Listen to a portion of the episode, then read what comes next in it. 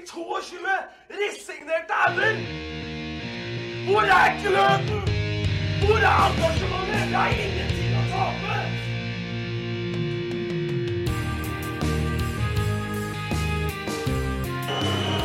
Ja, forlenges tid mot Martin Ramsland. Skal du sette etter? Og så gjør han det! Martin Ramsland! Har du sett? Han kommer til å bli større enn Jesus på Sørlandet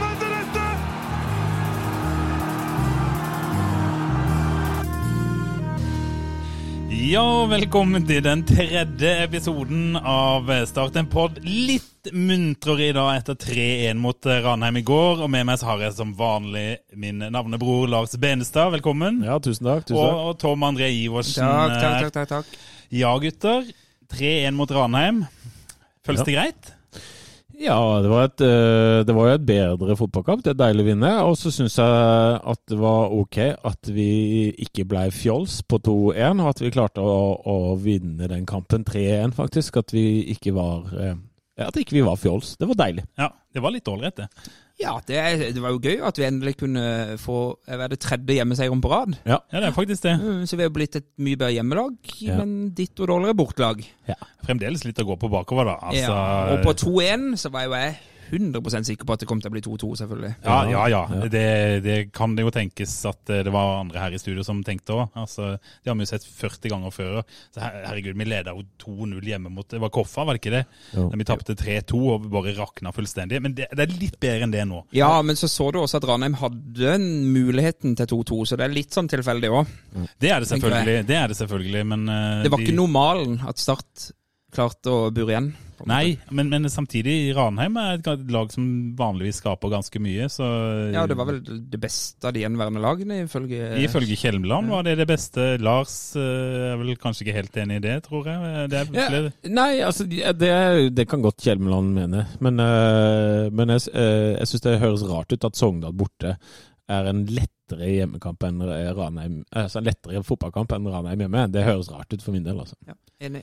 Ja, nei, men eh, jeg ble i hvert fall litt sånn Jeg blir jo munter av at Start vinner fotballkamper. Det var litt vanskelig å se kampen. Selvfølgelig søndag klokka tre, det må vi snakke litt om og oss småbarnsfedre imellom. Det er jo et forferdelig tidspunkt å ha fotballkamp på! Ja, jeg kjørte kino hjemme, og så så den på PC.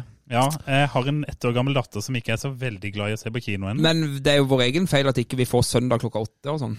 Ja, altså det, det er ikke vår feil, da.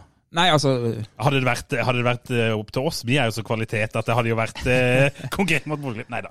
Ja. Nei, men, men, men eh, det er jo mye hyggelig å ta med seg fra den kampen, eh, hvis vi ser litt eh, bredt på det. og tenker Jeg Jeg vil gjerne snakke litt om det tredje målet. Ja, det er vel årets Kjelmemål. Ja, det er årets Kjelmemål. Eh, det tror jeg de er glad for i Stats trenerteam der, for der dytter de jo ballen litt sideveis. Så slår Vikne en lang, ja, halvlang ball på Reinersen, som tar et retningsbestemt medtak. Dytter den opp til, til, eh, til Sander Sjøkvist, og så setter han jo fanke meg på turboen. Durer rett gjennom Ranheim-laget. Sjøkvist inn til eh, Valsvik, som dytter den på ett touch fram. Og det er jo, Det er jo Reinersen alene med keeper, og da er det jo goal. Det har vi jo skjønt. Normalt sett ville Valsvik stoppa opp og sendt den tilbake igjen. Ja, men der var det ett touch rett fram. Pang! Rett i kassa. Nei, det var altså Da ble jeg Og jeg har sett målet flere ganger etterpå. Og det har egentlig blitt finere og finere for hver gang jeg har sett det. Og så er det så gøy at det er en fjerdedivisjonsspiller som setter inn den eh, Reinersen. Så ut som en million, plutselig. Ja, men han har jo hatt litt stigning, da. Ja, men det er jo du har selvtillit òg, da, når du faktisk avslutter og ikke spiller Ramsland. Ja, du har faktisk bank. det. Lars var litt bitter på det, da. Ja, det er jo greit. Det ble jo mål, da. Det hadde jo ikke blitt mål hvis han hadde sendt det. Nei, for han hadde jo skåret to til hvis han hadde satt det. Det- Ja, det er klart, Hvis Ramsen hadde skåret da og da og da, så hadde det jo blitt hat trick. Men Lars, Ja. opprykkstoget. Skal vi, skal vi ta Nei. Nei? Nei, Nei, nei. Du det er parkert. Ja, parkert det forrige. Ja, altså ja, øh, Jeg var jo eh, ganske nedfor og lei meg etter den Ålesund-kampen og tenkte at det var parkert. Og så i løpet av uka, så eh, etter å ha sittet og sett på den tabellen i, i noen mattetimer og altså, jobba med analyse sammen med elevene, på en måte, hvor, er det muligheter? Så så vi jo noen muligheter. Men når Koffa går og vinner, og nå er det eh, fire poeng opp til Koffa. Ja, Ja.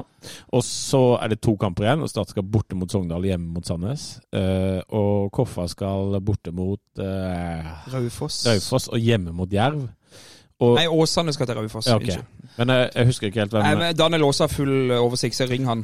Ja, ja, ja. Altså, jeg kan godt ringe Daniel Aase, men jeg blir ikke med på det der. Altså, At, at det finnes no... Altså, Start har ikke vunnet to kamper på rad.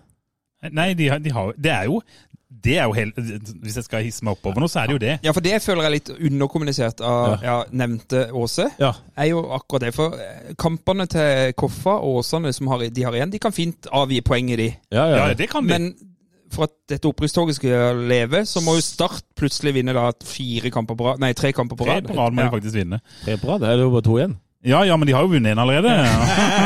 Ja. Og han er mattelærer. Oslo-skolens stjerne. Men du, jeg ser for meg de der eh, oppgavene han har hatt i mattetimen i det siste. Ja. Ja, ja, Sannsynligheten for at Start skal rykke opp. Ja, ja, ja. Hva de kommet fram til, elevene dine? ja det, det er stort sett nedrykk. Ja, ja. Tilnærma lik Men null. er det det er vel faktisk ikke teoretisk mulig lenger. Nei, det er ikke eller? det. er ikke. Nei, så, så her eh, Det er bare å parkere det toget fullstendig. Eh, Det er, står i stallen. eh, og eh, Der blir det til neste år. Det blir til neste år. Og jeg syns Obos 2022 ser eh, veldig bra ut. Ja, men da, da blir det en gang til. Ja, neste år, ja. ja. Nå- er den fløyta. Nå må Ja, den, det, det, den det, men hørte du ikke at det var 2022-fløyta? Ja, ja, ja. ja. Nei, men vet du hva, det er jo mye lystere stemning i studio nå. Ja. Det blir jo det. Det var jævlig tungt eh, forrige. Ja. Fytti. Ja, nei, altså. Det der må vi ikke gjøre igjen. Vi kan ikke spille inn pod klokka ti på kvelden etter en sånn møkkakamp. Mm, Nei, men vi kan kanskje gjøre det etter en god kamp. Og en gang må vi gjøre det etter vi har vært på pub hele gjengen. Ja, ja, ja altså ja, det, det Julebordet jo Julebordet med Kjetil Aasen. Ja, med Kjetil, Ja. det han skal betale? Yes. Yes. Ja, det gleder jeg meg til, altså. Oi, oi, oi, da blir det dyr øl, da. Men vi må vel gjennom noen og litt sånn, må Ja, ikke det? vi må jo det. Eh, og jeg syns jo det ja, men eh, Før vi går Ja. til Ja, jeg skal ta det med i, i startbørsen også, men vi må hylle en spiller i dag. Ja. Eh, og det er eh, Henrik Gjesdal.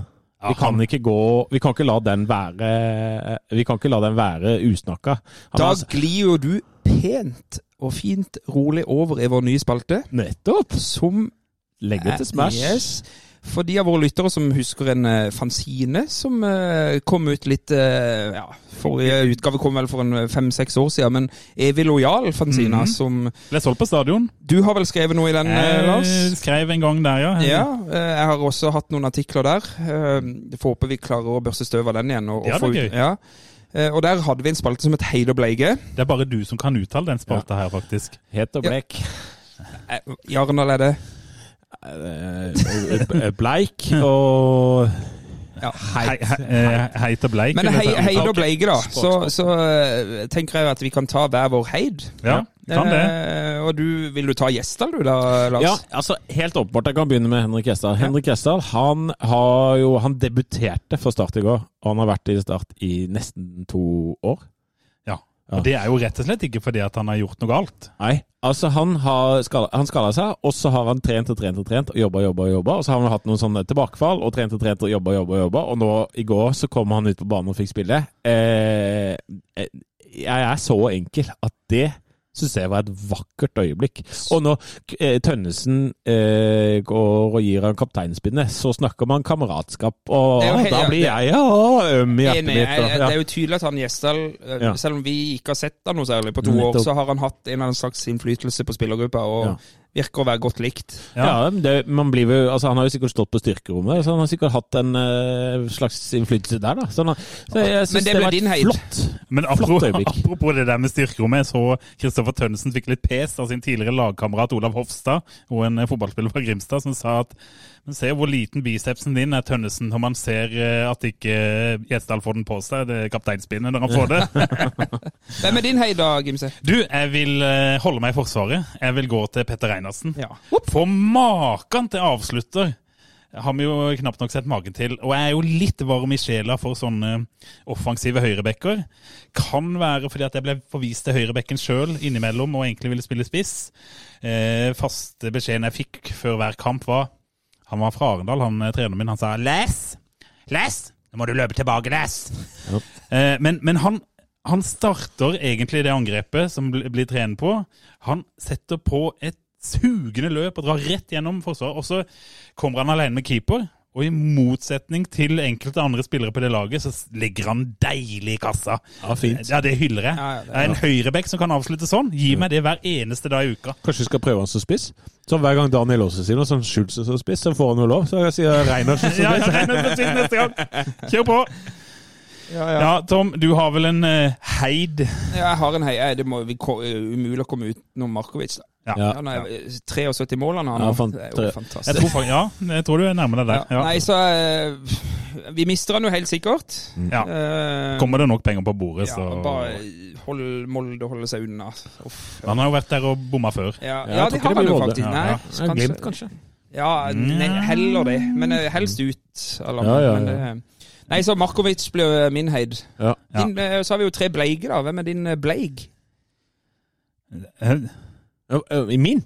Ja, din, ja. Ja. La oss spille, så. Hvem er din, hvem er din Bleig? Ja, det må vi tenke. Ja, selvfølgelig. Altså, jeg må, må tenke uh, Vi må jo ha Martin Ramsland.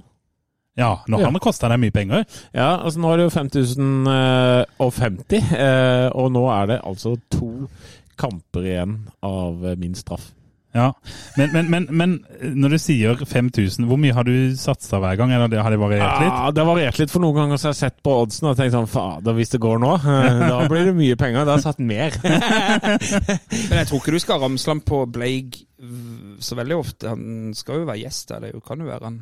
Ja, ja da, men han skal være det altså de to neste kampene, Uh, hvis han ikke setter hat tricket. Og, så- og så begynner vi på en ny. Da er vi ferdig med det Ja, der. Da har jeg betalt min straff. Altså Hva er det de sier i Guds hus? Altså Du har bøt, bøta for et eller annet? Ja, det er en slags avlat du har holdt på med. Det er en sånn katolsk avlat. Gjerne det. Ja, For å slippe skjærsilden.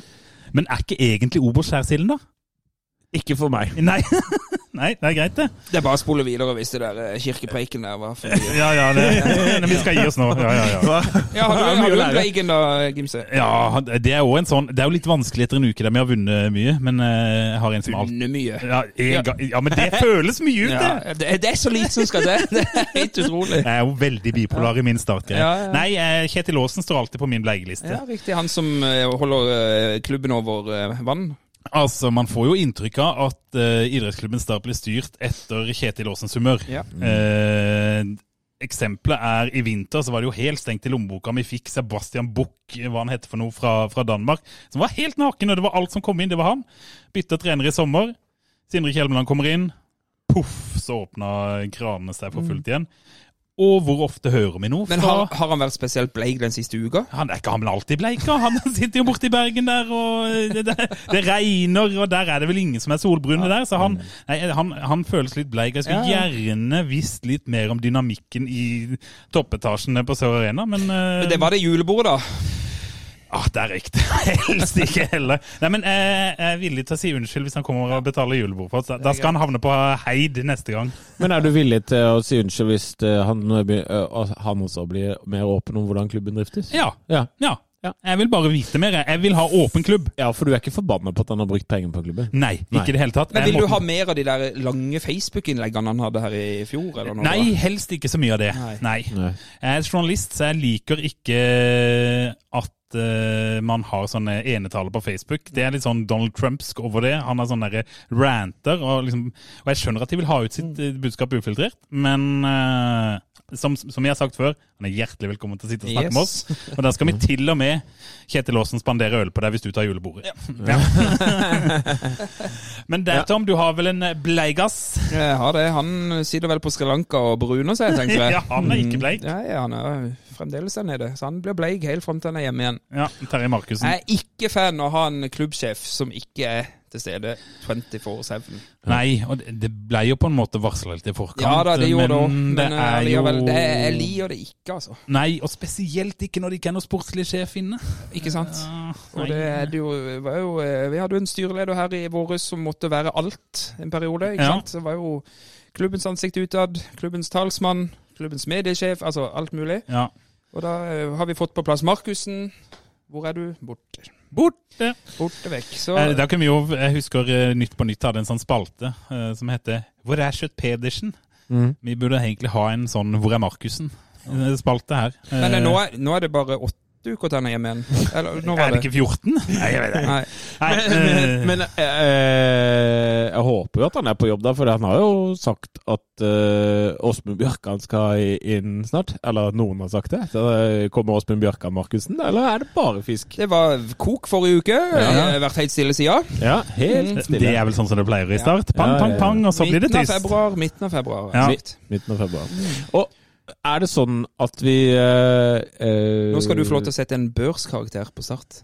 Lars Ja. Du hadde to av ti sist. Ja. Og da var han så deprimert at det var rett før vi ringte fastlegen. ja. Jeg har, jeg har tippa Altså for egen del hva du har i dag, så nå er jeg veldig spent. Nettopp. Ja. Jeg har eh, Jeg er ikke lenger på to. Nei. Nei, Nei. det ville jo vært litt trist, da. Ja, og, og vi slo Ranheim, og, så, og da er det viktig å påpeke at børskarakteren til eh, Start akkurat nå, det er akkurat nå. Ja. Sånn at det er, man må se det Ja, vi har pratet om den der konteksten. Ja, det- ok. ja. Mm. Ferdig med konteksten. Så til dere nye lyttere, dere kan bare Fuck you! Hør på en av de andre episodene. Ja, Tror du vi har nye lyttere?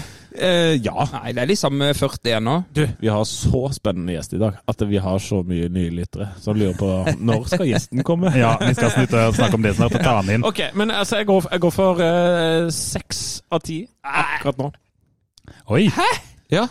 Jeg kan jo ikke Du kan ikke me- Ja, men er Ja, ok. Ja, Seks av ti? Ja, nå kommer Jesper Mathisen til å gå i fistel. Ja. Altså, jeg, jeg, egentlig så hadde jeg tenkt å si fire. Men ja. så siden du pusha hadde tenkt å og, Så tenkte jeg nå spiller Tom meg opp. Ok, da skal, jeg, da skal jeg være litt sånn på hugget, da. Du går opp fire, altså. ja, Men det er, jo, okay. er, det er jo litt en sånn følelsen av innerst etter å ha vunnet fotballkamp òg, da. ja, Ja, ja, men det er greit, det. jeg skal gå jeg Vi lærer deg å kjenne. Nei, men hør da, hør nå. Hør da. Fordi det er eh, Jeg var på to sist, eh, og det var før Åsmund Bjørkan. Ja, det var det. Og så i ettertid av den toen, så har eh, nyheten om at det er mulig Åsmund Bjørkan blir sportssjef Det er fremdeles bare et rykte.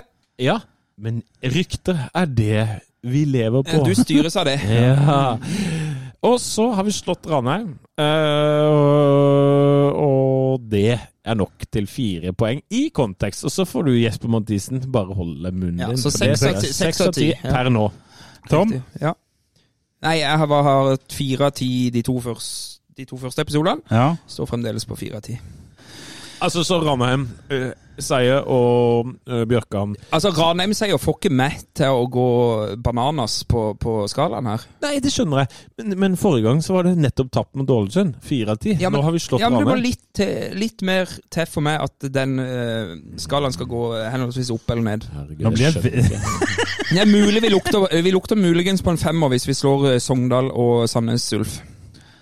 Ja, jeg hadde jo egentlig tenkt å si fem, da, siden jeg føler at uh, det er jo tross alt siste uka. Siste uka så har jeg, altså etter den seieren i går, ble jeg litt sånn munter og lett til sinns, og lett i steget blir alltid av statseiere. Litt spennende med oss med en Bjørkan. Eh, gøy med unggutter som får lov å prøve seg på A-laget. Mm, Jeg, jeg tror jeg ender på en femmer, altså. Ja. Litt sånn, for å være litt positiv. Ja, Da ender vi jo på fem som Ja. en total, og da har vi gått opp fra tre til fem. Ja, Ja, men det er jo en her. seier i forskjell, da. en seier i forskjell. Dette skal bli Ja, Ja ja, de må bare slakte. Kom med det. Jeg slakter alt som er på Twitter. Jeg tar slakt tilbake. Ja, det er greit. Kjør på. ja fem av ti, da. Ja. Så vi er midt på treet, altså. ja, men vi må jo ta Obos-kontekst. Det er som de sier Ja. i FVN, at de må bruke skalaen. ikke sant? Når de gir en sjuer eller en åtter, så er det Obos sjuer eller åtter, Selvfølgelig. ikke sant? Så, så Ni, Niendeplass på tabellen og fem av ti på børsen hos Start en pod. Ja. Men det er greit, det. ja. Det er greit, det. Men uh, eh, da tror jeg Ja, uh, da tror jeg egentlig bare vi tar inn uh, gjesten vår. er det første gjest i Start en Pod? Det er første gjesten. Men det er jo ikke, det er jo ikke hvilken som helst gjest. Nei, Det er ikke hvilken som helst gjest. Det det- er Ja, vet du hva? Jeg var gjesten da jeg spilte fotball på Løkka da jeg var liten. Så løp jeg rundt og lata som jeg var Viggo Strømme. Tenk på det. Ja. Sitter her nå. Og det er veldig spesielt. Ja, Veldig spesielt. Jeg, for det, ja, ok, jeg kunne vært Myggen, men jeg syns Viggo var et kulere navn. Så jeg var Viggo Strømme. Sånn at eh, det Jeg var Jeg har løpt rundt og lekt Viggo Strømme. Og Viggo Strømme har gleda seg til å komme her. Har jeg Ja, hørt. ja, ja, det har jeg hørt. Så eh, jeg tror bare vi tar inn Viggo. jeg. Ja. Ja. Ja, og da har vi fått med oss en eh, gjest i studio. Det er ingen ringere enn eh, tidligere startspiller eh, Viggo Strømme. Velkommen, Viggo. Tusen takk for det. Han har jo òg gjort noe mange sørlendinger ikke har. Nemlig vært i en cupfinale og vunnet den og vært på banen med Vålerenga i 1997. Men eh, aller først har jeg lyst til å spille et ørlite videoklipp, nei, videoklipp sier jeg, lydklipp, eh, som Viggo kanskje drar kjensel på.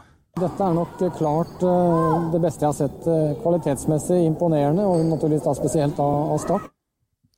Tar du hvilken kamp dette kan ha vært, Viggo? Lyn. Lyn? Selvfølgelig. Ja. Det jeg godt den. Ja. Kan stemme. ja, at det var Rosenborg, ja. Det var Rosenborg, ja. Ja. 5-0 i Ja, 91. Det er vel en av de kampene jeg husker aller best som startfan, tror jeg. Mm. Det er jo Tom. Ja, Det- det er jo gal. Jeg husker den. Jeg var ikke gamle karen. Ni år var jeg, men eh, den var jeg på. Det husker jeg veldig godt.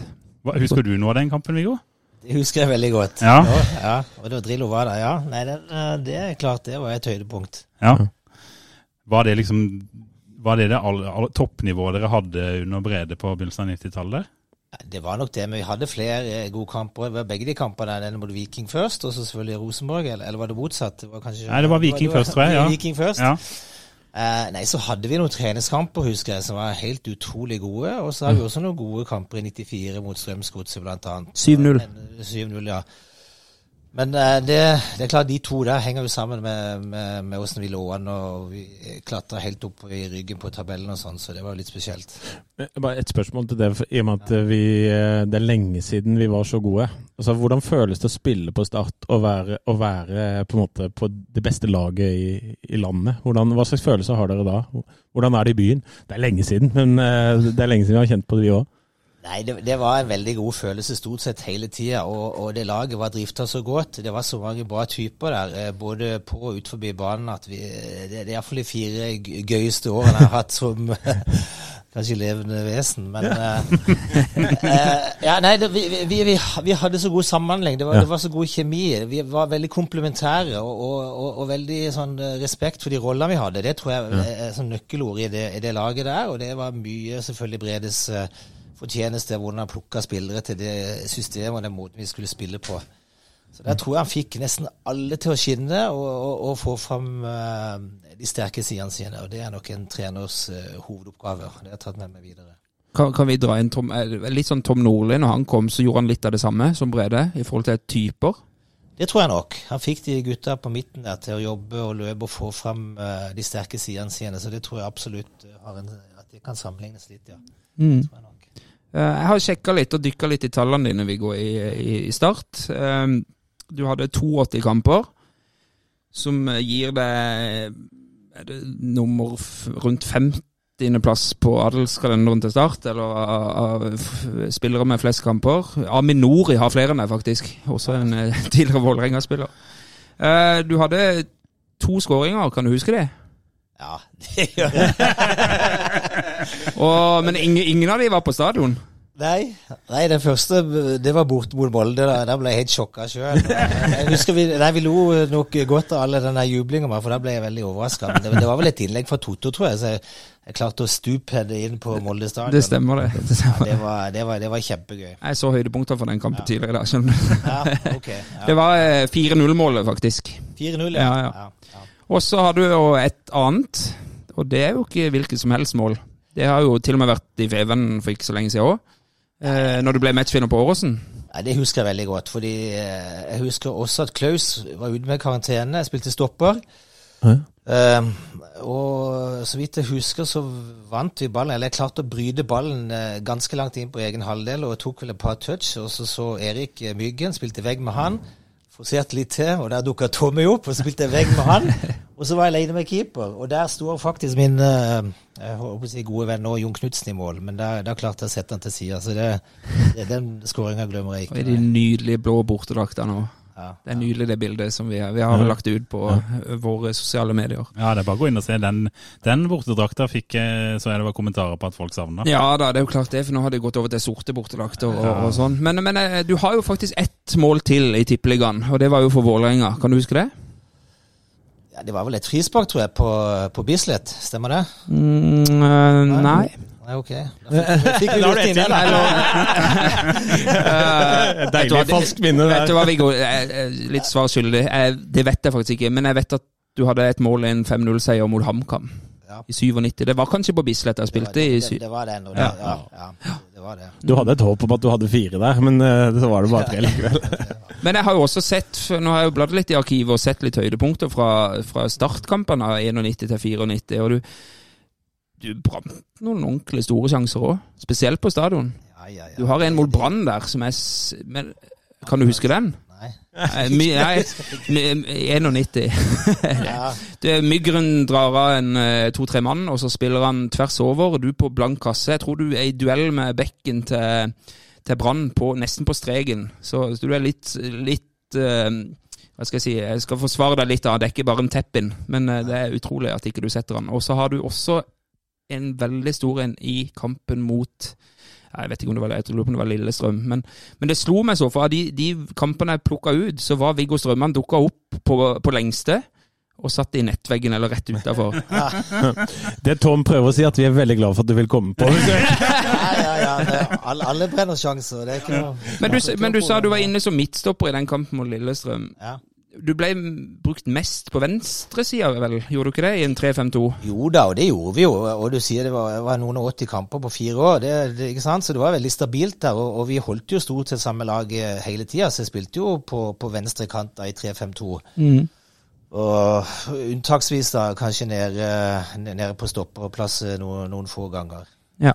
Så nei, det var stort sett på kanten. Men du var en slags potet? Nei, ikke der og da, egentlig. Jeg har blitt det senere. Jeg tror jeg har spilt nesten alle posisjoner på, i, i, i toppfotball, men ikke, men ikke i, i start. Da var det jeg tror det må ha vært 95 av kampene Ja, i, i samme posisjon. Ja, i nettopp. Ja, riktig. Mm. Skjønner. I Enga så var det litt mer, eller? Ja, der har jeg spilt venstreback, høyreback, eh, litt eh, stopper og, og så videre. Så Mm. Må regne med litt endringer. Ja visst. Ja visst. Ja, visst. Men, men eh, det vi kan, vi kan jo ta litt sånn helt tilbake. eh, Trenger ikke gå helt tilbake, vi vet at du spilte som for Don når du var liten. Men hvordan endte du opp i Start og i A-stallen til Start etter hvert? da? Ja, nei, jeg er oppvokst på Søm og havna i Don før det ble fotball Og. Og eh, spilte i Don ganske lenge. Så kom jeg til et punkt eh, Det er også en kjapp tur inn i Oslo. Jeg studerte så da jeg var rundt eh, 19-20 år. Prøvde meg i Vålerenga. Var en veldig nærme kontrakt eh, den gangen. Og snakker vi om 88 eller rundt der. Eh, Men da, da, da tenkte jeg at her, her må det skje noe. Eh, og jeg er veldig fornøyd med det samarbeidet med Trond Pedersen i det øyeblikket Brede Skistad kom inn. For han var vel på en måte en som hjalp meg videre inn, inn mot, mot Start der. da. Og vi spilte også 3-5-2 i, i Don, i andredivisjon i mange år, som gikk eh, egentlig eh, på mye av det samme måten å spille på. Så Brede var jo så på veldig mange ganger den, den sommeren før eh, det ble overgang på høsten. Ja. Så, Det, ja, så jeg tenker det var litt sånn naturlig overgang. ja. Nei, men, men, eh, Og da kommer du jo inn i et lag eh, som har ganske mange gode sørlandske spillere. Altså Det er Myggen, det er vel Eftevåg, det er Lydåsen, Dalum. Hvordan var det å komme inn i det kollektivet der? Nei, det var kjempegøy fra dag én. For det første så har jeg jo kjent mange av disse gutta fra før. Jeg har spilt med og, og mot i Totto siden vi var bi- bitte små Eftevåg-gutter. Jeg har kjent Jallo, Eivind Egeland, Pøl Rikardsen. eh, hele gjengen, egentlig. Så det, det var det miljøet. Det var, det var så gøy. Så mye godt humør og, og så mye bra folk. Så det, det, var, det var virkelig gøy. Samtidig som vi sto på og trente, vil jeg si, veldig godt. Og, og hadde det også eh, gøy og, og, og tøft på trening, syns jeg, i perioder. Det var, my- var mye konkurranse. Um, så det var en sånn det var humor, miljø, godt humør og, og trivsel i, i godt lag med, med, med mye god, god trening. Men det er jevngamle, gamle, den gjengen du nevnte nå, egentlig. Det var litt av hvert. Myggen og Klaus og de her litt yngre, og Pål var litt eldre. Han har jo kjent fra Svøm siden han var, Ja, vi selvfølgelig. var, Mm. Unge. Så nei, det var litt forskjellig alder. Ja. Men, det, men man må jo stille spørsmålet hvorfor vant dere ikke serien? Vi var jo ikke gode nok. Det, det er jo ganske enkelt å si. Men dere var jo landets beste lag i enkeltkamper, men så var, og hadde humør og alt det som skaper et lag. Da. Altså, Du beskriver jo et lag som fungerer veldig godt sammen. Eh, men hvorfor vant dere ikke serien? Nei, vi var, jo, vi var jo ikke stabile nok. Nei. Det var vel Viking som vant i 91, og da Ja. var, de, var de jo hakket vasse. Og så var, var vi dårlige par i hjemmekamper på Ja. høsten, husker jeg. Det tror jeg rett og slett ødela, ødela alt. Ja. Mm. Mm. Så det, Et hjemmetap mot Sogndal, mener jeg, blant annet. Ja, nei, det er små marginer og veldig få kamper. Det var vel bare 22 kamper den gangen, tror jeg. Ja. Så nei, vi mangler litt der, da. Ja. Jeg har, jeg har en karakter på det laget som jeg er litt ekstra uh, spent på. Det tror jeg er en litt sånn familiær greie for broren min. uh, ville at jeg skulle spørre om det, men Dumitru Muraru. Ja. Hvordan var han som type, egentlig?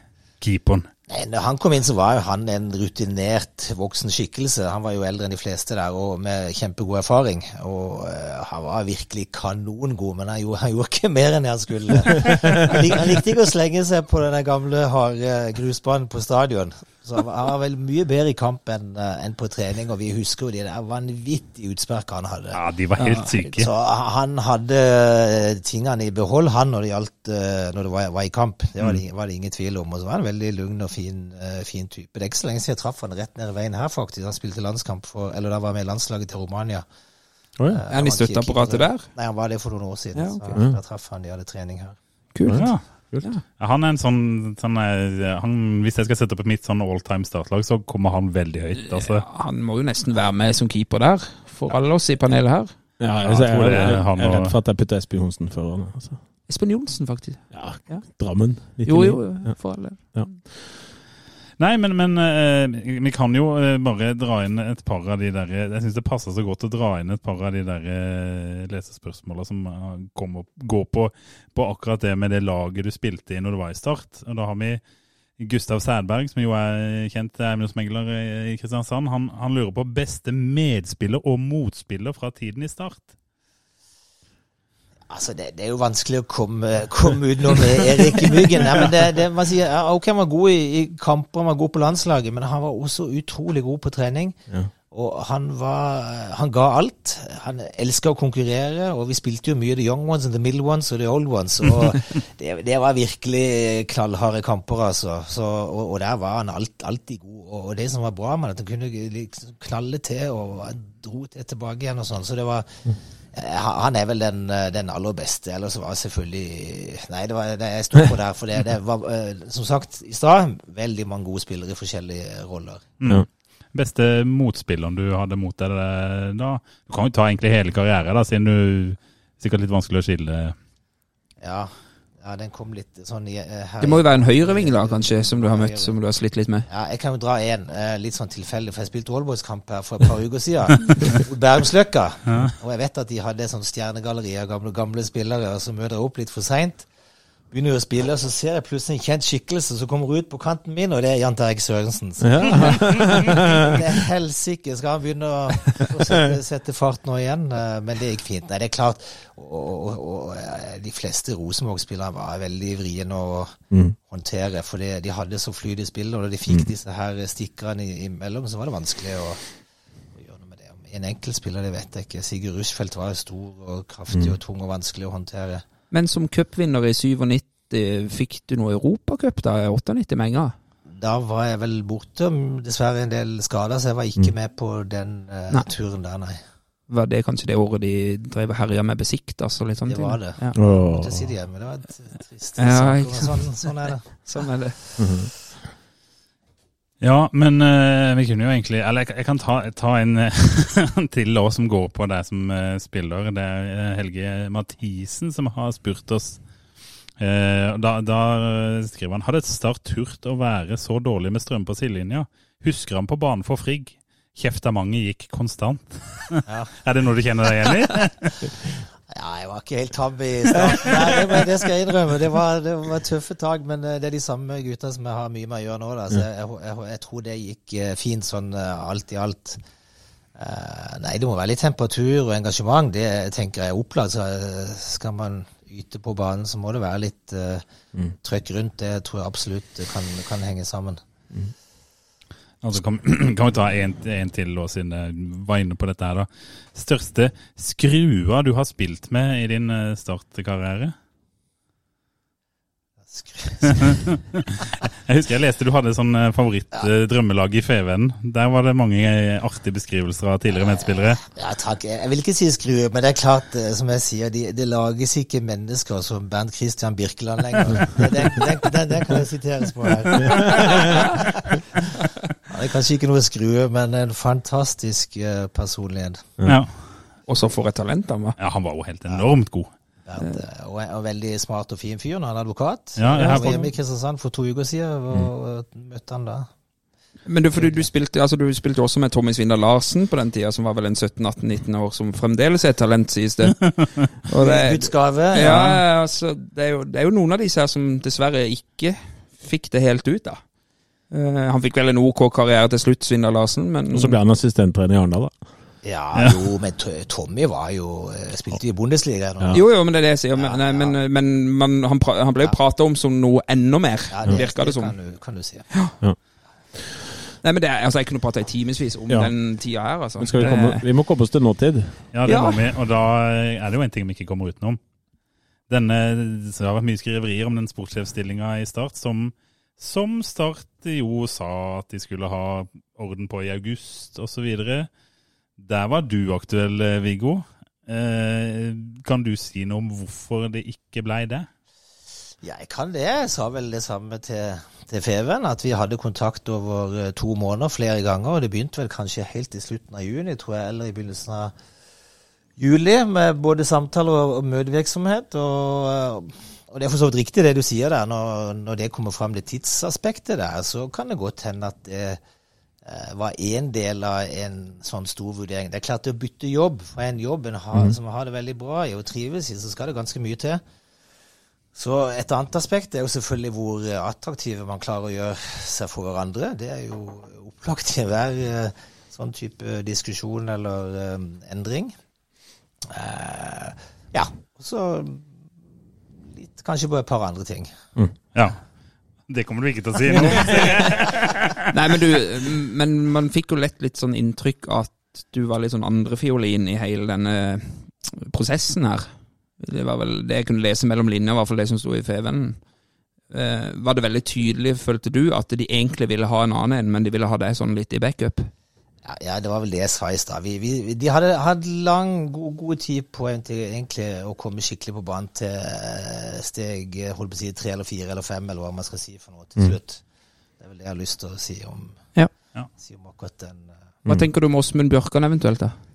Nei, det tenker jeg høres veldig bra ut. Og nei, og jeg er ikke bitter. Jeg syns det var en spennende og fin Ja. eh, prosess. Jeg, så Ja. og, eh, absolutt ikke. Så det var veldig, veldig lærerikt. Nei, nei, Bjørkan, du ser hva han står i nå. Har satt på benken i Roma og så videre. Har god erfaring.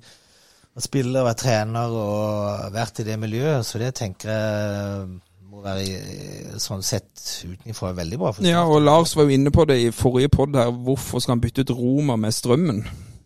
Ja. Er, det, er det liksom prosjektet til Kjelmeland og det som du tror eh, frister Bjørkan eventuelt? Det, det har jeg, nei, jeg har ikke noen forutsetning for å uttale meg om, om eventuelt hans uh, vurderinger i forhold til det. Men, men hva hadde du sett på som det mest interessante med å være sportssjef i Start, sånn som står jeg nå i 2021? Nei, altså Det er små marginer. De ligger vel på niendeplass nå, eller hvor det er. Og sesongen i år har jo selvfølgelig ikke vært noe bra i det hele tatt. Det er jo enkelt å konkludere med. Uh, Det er små marginer som skal til for at en kan klatre uh, helt til topps der. Det er ikke så mange knep. Det er litt på hele spillelogistikken, litt på, på innholdet, det å få en god uh, inngang osv. Litt sånn annen type go, go i laget, kanskje. Litt, uh, litt gnist og temperatur osv. Så, videre. så Så tror jeg absolutt det er mulig å heve det laget der mm. uh, ganske kortsiktig. Men jeg bare, jeg bare lurer på, hva, hva hadde Start fått hvis du ble sportssjef? Hva hadde du gitt den klubben, da? Hva solgte du deg inn på på punkt fire? Ja, men ikke sant, det å selge seg inn er jo, én ting. Hva, hva, hva vil de ha med å ta kontakt med Ja, Start? nettopp, ikke sant? nettopp. Og det, det er jo Det må jo nesten Start svare Ja. på sjøl. Men eh, nei, altså, jeg er jo en skal jeg si for noe, en fotballfagmann. Litt sånn Ja. der, Dette vil jeg nesten si i noen sammenhenger. Jeg, jeg kan veldig mye om om selvfølgelig unge spillere opp, Ja. som vil opp og frem, og overgangen fra junior til toppfotball. Eh, Jeg har jobba tett med, med Stabæk. Jeg har jo spilt seniorfotball i mange år. Jeg har vel 600 kamper, tror jeg, på, som voksenfotball, og har vært inne i alle garderober og vet hva som rører seg.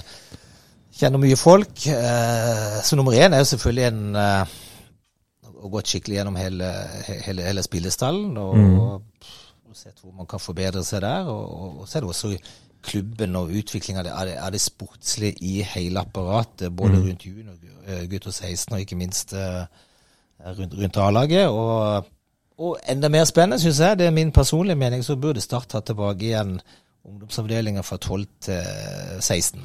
Nettopp. Og det mener jo Sindre Kjelmeland også. Så hvorfor, hvorfor mener du og og Sindre det samme om det å starte fra 12 år? Hvorfor er det viktig for, eh, for Start?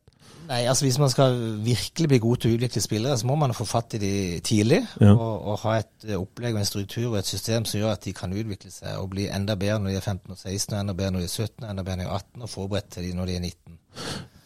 Jeg er ikke så bevandra i hvordan de gjør det på Sørlandet, egentlig, men vet du, kan du beskrive når er det man satser? Det kan ikke en. Del, hvor gammel er man når man blir en del av systemet i Start? da? I start, ja. Ja, da- da det 16. 16, ja. 15, 15 16, ja. ja. Men på Sørlandet som helhet, da, hvordan er det, er det noe system der? Jeg vet at de ikke har noe system i Arendal, for de har jo kun produsert to blad Risholt i, siden, eh, siden tidenes morgen. da. Gud for det. Nei, altså jeg, jeg kjenner ikke detaljer, men så vidt jeg har skjønt, så, så, så, så skal jo mye av det her skje i breddeklubbene fram til Ja. 16 år. Men, ja. Og du, men du vet ikke noe om hvordan Start samarbeider med breddeklubbene? For eksempel sånn som Viking gjør, så vet jeg at Viking jobber veldig mye eh, Eller veldig mye, det vet jeg ikke, men jeg har hørt at de eh, bruker tid rundt omkring i klubbene rundt da, for å både eh, vise at de er til stede, og hjelpe hvordan man driver med, med talentvirksomhet. da. Jo, det tror jeg nok også de, de gjør. Og så går mye Ja. det samarbeidet gjennom landslagsskolen. Og, okay. Altså ja. kretslagssystemet, selvfølgelig. Hvor jeg tror starter trener inn begge steder osv. Okay. De, de ja. burde ha god oversikt. Okay. Men hva store fordelen med å liksom ta tilbake ungdomsfotballen til seg sjøl? Altså, ikke i seg sjøl, men uh, hvis det legges ressurser i systemet, og en virkelig vil bli god på det, så har man jo selvfølgelig har man de mye lenger et system som en vet fungerer. Eh, og da er du inne på hvordan de trener, hvordan Ja. ukene er lagt opp, hvilken konkurranse de er med i, hvor ofte de reiser til utlandet for å få erfaring og konkurranse. De, de beste trenerne, de det beste systemet, mm. de beste spillerne, tenker jeg er, er veien å gå. Men, men du, nå, hvilken rolle har du i dag i, på NTG, sant? Ja. Ja. Er nå jobben min er det som kalles for sportssjef fotball NTG Bærum. Ja. Eh, Og da har jeg ansvar for denne hele avdelinga med 90 spillere, vel, og en seks-sju samarbeidsklubber, blant annet Stabæk. ja. Som ja, vi drifter sammen. Jeg skjønner. Men, men du er jo veldig interessert i dette med, med å få fram unge spillere, Lars. Ja, veldig. Ja. Eh, og så har jeg gjort en eh, Jeg er jo eh, en skapjournalist, eh, sånn at jeg har gjort eh, ett eh, research. Altså ikke dobbeltsjekka disse resultatene, siden jeg ikke har fått sjekka det. Men jeg har sett litt på bruken av unge spillere under 20. Uh, i første, først i Obos, da, for, tenkte, for det er jo en typisk kritikk fra en supporter i start nå, er at de unge spillerne får ikke nok spilletid.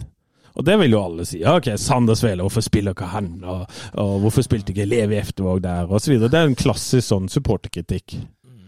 Og så gikk jeg og kikka litt på og tenkte, Jeg har også vært med på det. Sander Svele skal spille mer, og så videre. Og så tenkte jeg jeg må jo finne ut om dette her er reelt. da. Så sjekka jeg sånn HamKam, f.eks. De har jo nesten ingen De har jo også svært få spillere som spiller jevnlig under 20. Eh, Jerv har vel ingen. Uh, og der var jo det Arne Sandstø og Kjetil Rekdal vært med en stund. Så bare sånn, uh, Og så tenkte jeg ok, jeg sjekker Eliteserien også. Det er svært få talenter under 20 som ikke er landslagsspillere aldersbestemt. Bortsett fra Stabæk, da. Som har en haug med spillere under 20. Nå ligger vi riktignok under streken, men Ja, ja. men starter nummer ti i Obos, eller noe sånt, så her er det en sånn eh, Altså, ser du eh, eh, For det første så lurer jeg på Vi kan ta ett spørsmål av gangen. Er det, er det riktig av oss supportere å kreve unge spillere under 20 at de skal spille mer? Ja, det var, det var en mye stor og fin debatt. For det første så representerer jeg nå ikke Stabæk, bare så det er sagt. Nei, nei, du skjønner det da, men- eh, det er jo et system, da. Vi, vi jobber Mm. veldig tett, tett sammen hver dag og i, i mange år. Supportere kan kreve hva de vil. Det er jo det er derfor vi sitter her.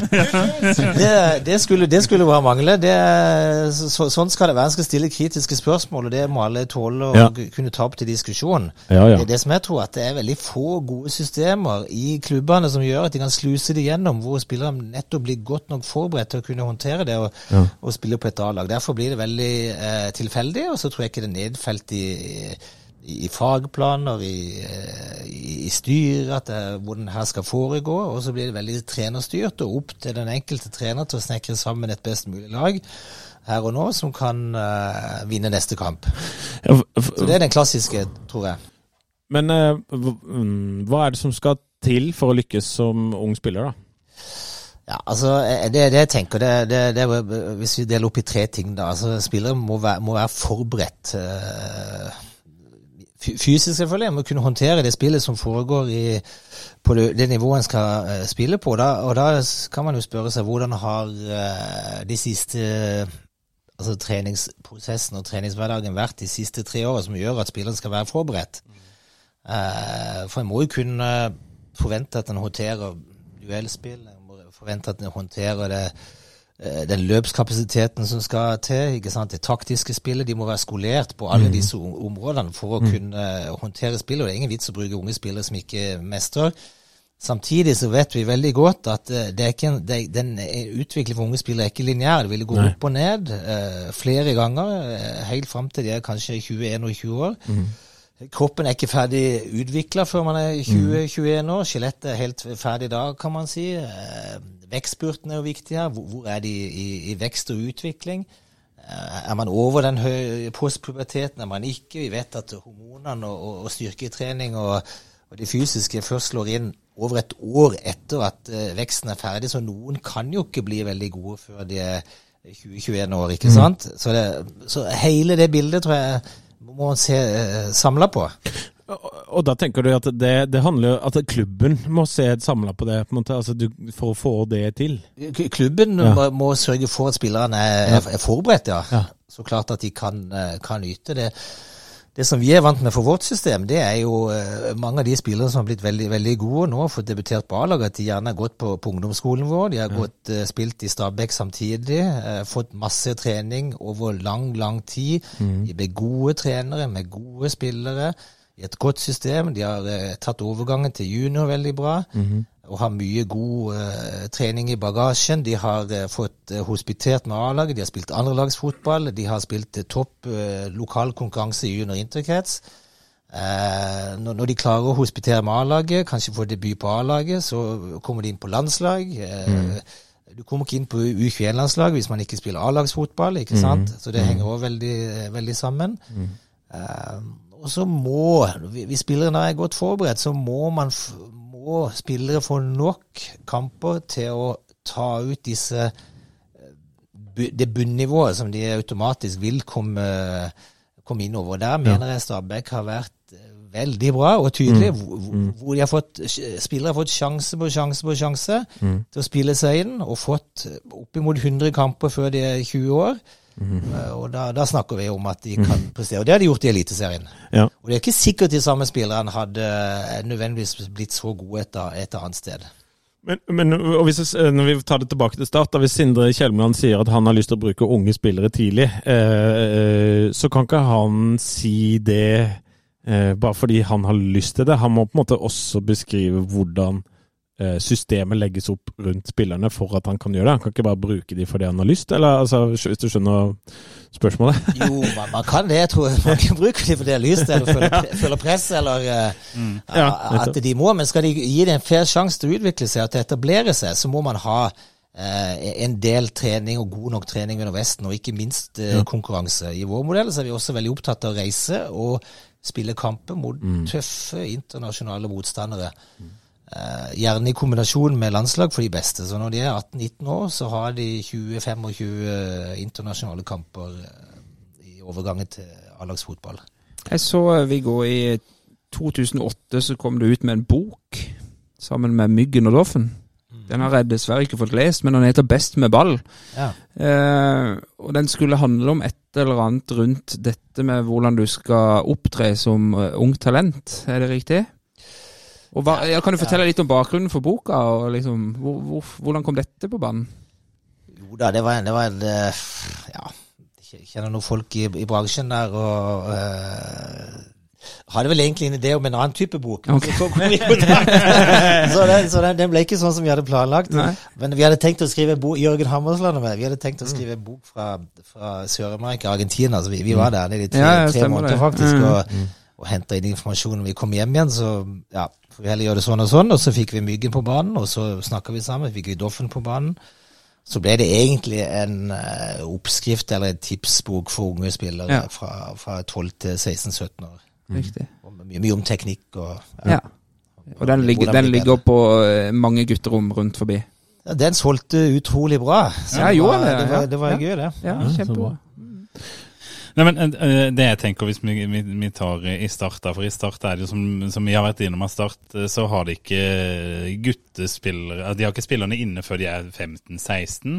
eh, og i startsystemet så har du jo noe sånn gutter 16, du har gutter 19 og elite. Og så har du et, et andre lag som spiller i, i tredjedivisjon. Og da er jeg litt eh, nysgjerrig på hvor hvor god konkurransearena er tredjedivisjon for ja, en 17-åring, 18-åring som i den utviklingsfasen sin? Den kan fint være god nok, men andredivisjon er bedre. Ja. Ja. Så Odd og Vålerenga har det nå, og jeg kjenner også de unge gutta i Vålerenga, og de spiller jevnlig andredivisjon. Det er et hakk opp. Det er mye Ja. tøffere konkurranse, det er mye bedre lag, det er mye mer voksenfotball.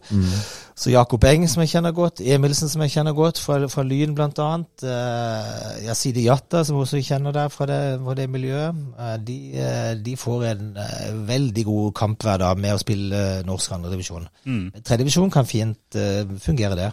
Ja. Ja, for jeg har jo sett Start har jo eh, lånt ut noen av disse spillerne til ja, i andre divisjon, da. Og det vil jo kanskje være en, en, eh, en logisk ting å gjøre da når man har et tredjedivisjonslag, og, og se etter muligheter for å låne de ut i nærområdet. Ja, det er klart så er det skjæringspunktet kamp eh, hver dag versus treningshverdag, ikke sant? Eh, så det er jo en uh, diskusjon. Men når vi er inne på Start sine unggutter, vi prata litt om det før sending med deg, Lars. Eh, vi, det er jo ikke sånn all verdens til årgang i Start nå. Du sa det sjøl, Viggo, at du er ikke så inne i talentene eh, rundt Start. Men det er, av de under 20 i, i Start nå, er det vel kun han Jasper Silva Torkelsen som har landskamp. Ja, Og den fikk, sett ja. ja, den fikk han vel nå i høst. eh, En U17 eller U18-landskamp. Jeg mener jo at det er konsekvensen av at han fikk spille to cupkamper. Er det litt modellen også på de yngre landskamp, eh, landslagene, at de på en måte så fort de får en A-kamp, så er det først da de blir aktuelle for en, en, et landslag? Det henger iallfall veldig godt sammen. Ja, Det, det er det ingen tvil om. Så, uh, Så det- så fort Sander Sveland nå får debutert og liksom sånn, så Ja, fordi det, det er klart jeg snakker litt om at man må dyrke det fram både eh, taktisk og fysisk, ikke sant? Og mentalt, ikke minst. Men man må, man må også lage spillere ved å gi de sjansen med å få de opp og frem og få de synlige. Det, det henger sammen. For kommer du på et landslag, så får du gode treninger, du får gode opplevelser, du får god internasjonal konkurranse. Og så tilbake igjen, ikke sant? Eh, Så det, det, det henger sammen. ja, for Start vant jo junior-NM i 2006 og 2007. Og det hus vi husker hvilke spillere det var. Ja, ja, ja. Morten, Morten Benstad, for eksempel. ja, ja. Nei, men det, det var jo en litt sånn unik generasjon, nesten. For det, det er jo ikke noen som er i nærheten nå.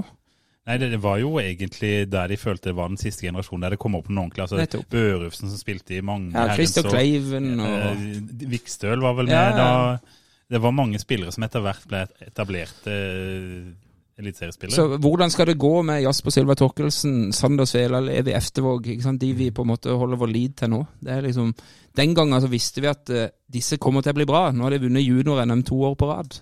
Eh, det bare virker som at klubben vår er litt sånn akterutseilt på talentsida. Og da, da tenker jeg at der gjelder det ikke bare klubben, det gjelder en, la, en landsdel. Ja, eller en hel Ja. landsdel, ja. Ja, ja, da kan man stille seg spørsmålet eh, Altså Hvis man ser på historien, det kommer alltid gode spillere fra Sørlandet. Det, det, det er nesten ikke mulig å unngå, for det, det er så bred fotballkultur. Eh, I, breddeklubbene så er det, det er nødt til å komme fram gode spillere. Så da er jeg nok mer eh, opptatt av å være litt kritisk til, til systemet, om, om de klarer å fange de opp, om de klarer å forvalte disse unge spillerne godt nok. Mm. For på ethvert uh, areal med nok mennesker, så må det bli eh, gode spillere. Eller komme gode spillere. Ja, og fra. det gjør det jo, men de har jo i senere år så har jo de gått til Viking eller til Odd Stab- eller til Stabæk. Ja. Jesper Daland gikk jo den veien, eksempel. Det var flaks at han kom hjem igjen. Ja, på mange måter. Vi fikk jo faktisk litt penger for han òg, så det er jo kjempeflaks. Mm. Så, men det er, jo, det er jo det man må unngå, da. At de tar den omveien der. Før de skal hjem til verdens deiligste klubb. Men, men, men hvis det er 14 år og et stort talent på Sørlandet nå, så er vel sjansen stor for at man flytter på seg. For, uh, man venter vel ikke på å komme inn i, i Start 16? Nei, Det er jo ingen som flytter på seg når de er 14 nei, heldigvis. Nei, nei, men altså, men, kanskje men familien gjør det. De kan være ambisiøse. Men det er et veldig Altså det vinduet der mellom eh, når man går til videregående skole, det er jo det viktigste vinduet sånn som det er nå her hjemme. ikke sant? Og da, da, da tenker jeg at eh, skal Start ta vare på ta, de unge, beste spillerne på Sørlandet, så må de ha et kjempegodt klubb-skoletilbud. Som fungerer, hvor de kan rekruttere inn, få samla alle, få trent sammen som en treningsgruppe på dagtid. Få til gode hospiteringsordninger med A-laget, og, og få samla de som virkelig vil og kan, mange nok. Og, eh, og skape en kultur som kan uh, gjøre at de utvikler seg sammen. Altså, når jeg var ung for uh, 45 år siden, så var det, så var det jo idrettslinja, eller idrettvalgfag, eller hva det var for noe, på, på Gimle videregående, som var liksom det eneste, skal jeg si, litt sånn toppfotballsatsinga på, på skolenivå, da. Uh, og nå var det snakk om et akademi, er det det vi har nå? Ja, det skulle være i hvert fall, men der har det vært en del uh, uregelmessigheter underveis. Riktig. Ja. Uh, det har vært litt Hva eh, må til for at Sørlandet får en sånn slags NTG-variant, Viggo? Ja, vi har nå vært der nede for en stund siden og presentert planene våre, men det, det ble ikke noe. Nei, men Det jeg kan fortelle om, om Stabæk på NTG, de at de, de har jeg vil jeg si, et sånn eliteserieopplegg i miniatyr på dagtid. Så hele, hele treningsprosessen foregår på dagtid klokka ti parallelt med A-laget. De trener på to forskjellige baner, så hospitering er veldig enkelt. Det, det er veldig proft før trening, i etterkant. Uh, alt er komprimert rundt skolehverdagen. De har styrketrening rett etter uh, skolen osv. Og, så og, og de trener samla gjennom hele uka. Og det er jo fire-fem heltidsansatte trenere i vårt system rundt eh, juniorlaget for at de skal bli gode. Og jobber også med rekruttering. Ja, og, og det du sier nå, er at du, egentlig så trener de på å bli profesjonelle fotballspillere når de går på skolen. Ja, det, vi, det er jo en del av min jobb å holdt på å si, fasilitere og, og, og kreve at det skjer. Mm. Men det er altså sånn, eh, gjennom den jobben du har hatt, og sånn, så har du hatt mye kontakt med, med unge spillere. og sånn. Hva er din erfaring med disse talentene? Er de, liksom, er de veldig utålmodige, eller er de liksom Hvordan opplever du de talentene nå? opplever de forskjellige. Hver, hver og en har, har sin egen historie. og um, det er klart det, det har vært ganske mange som har gått gjennom det systemet over, over, over mange år. Jeg, tror vi har 35 spillere nå, eh, så lenge jeg jobber der, som spiller aktivt i utlandet nå. Oi. Eh, Jeg tror det er et par og tyve på A-landslaget, og, og, og, og, og mange, eh, 80-90 som spiller eliteserie. Og det er historikken både for Lyn og, og, fra Stabæk. Men det, det, altså de må være forberedt også når de kommer inn når de er 16 år. Jo bedre de er 16, desto bedre blir de når de blir 17. Og så vet vi at det individuelle historier, historie Kristian Thorstvedt bruker vi ofte. Var seint utvikla. Han var skada i hele andre klasse. Han fikk ikke sjansen. Det var tre-fire andre kjempegode midtballspillere. Hugo Vetlesen, det var Tobias Børkeie.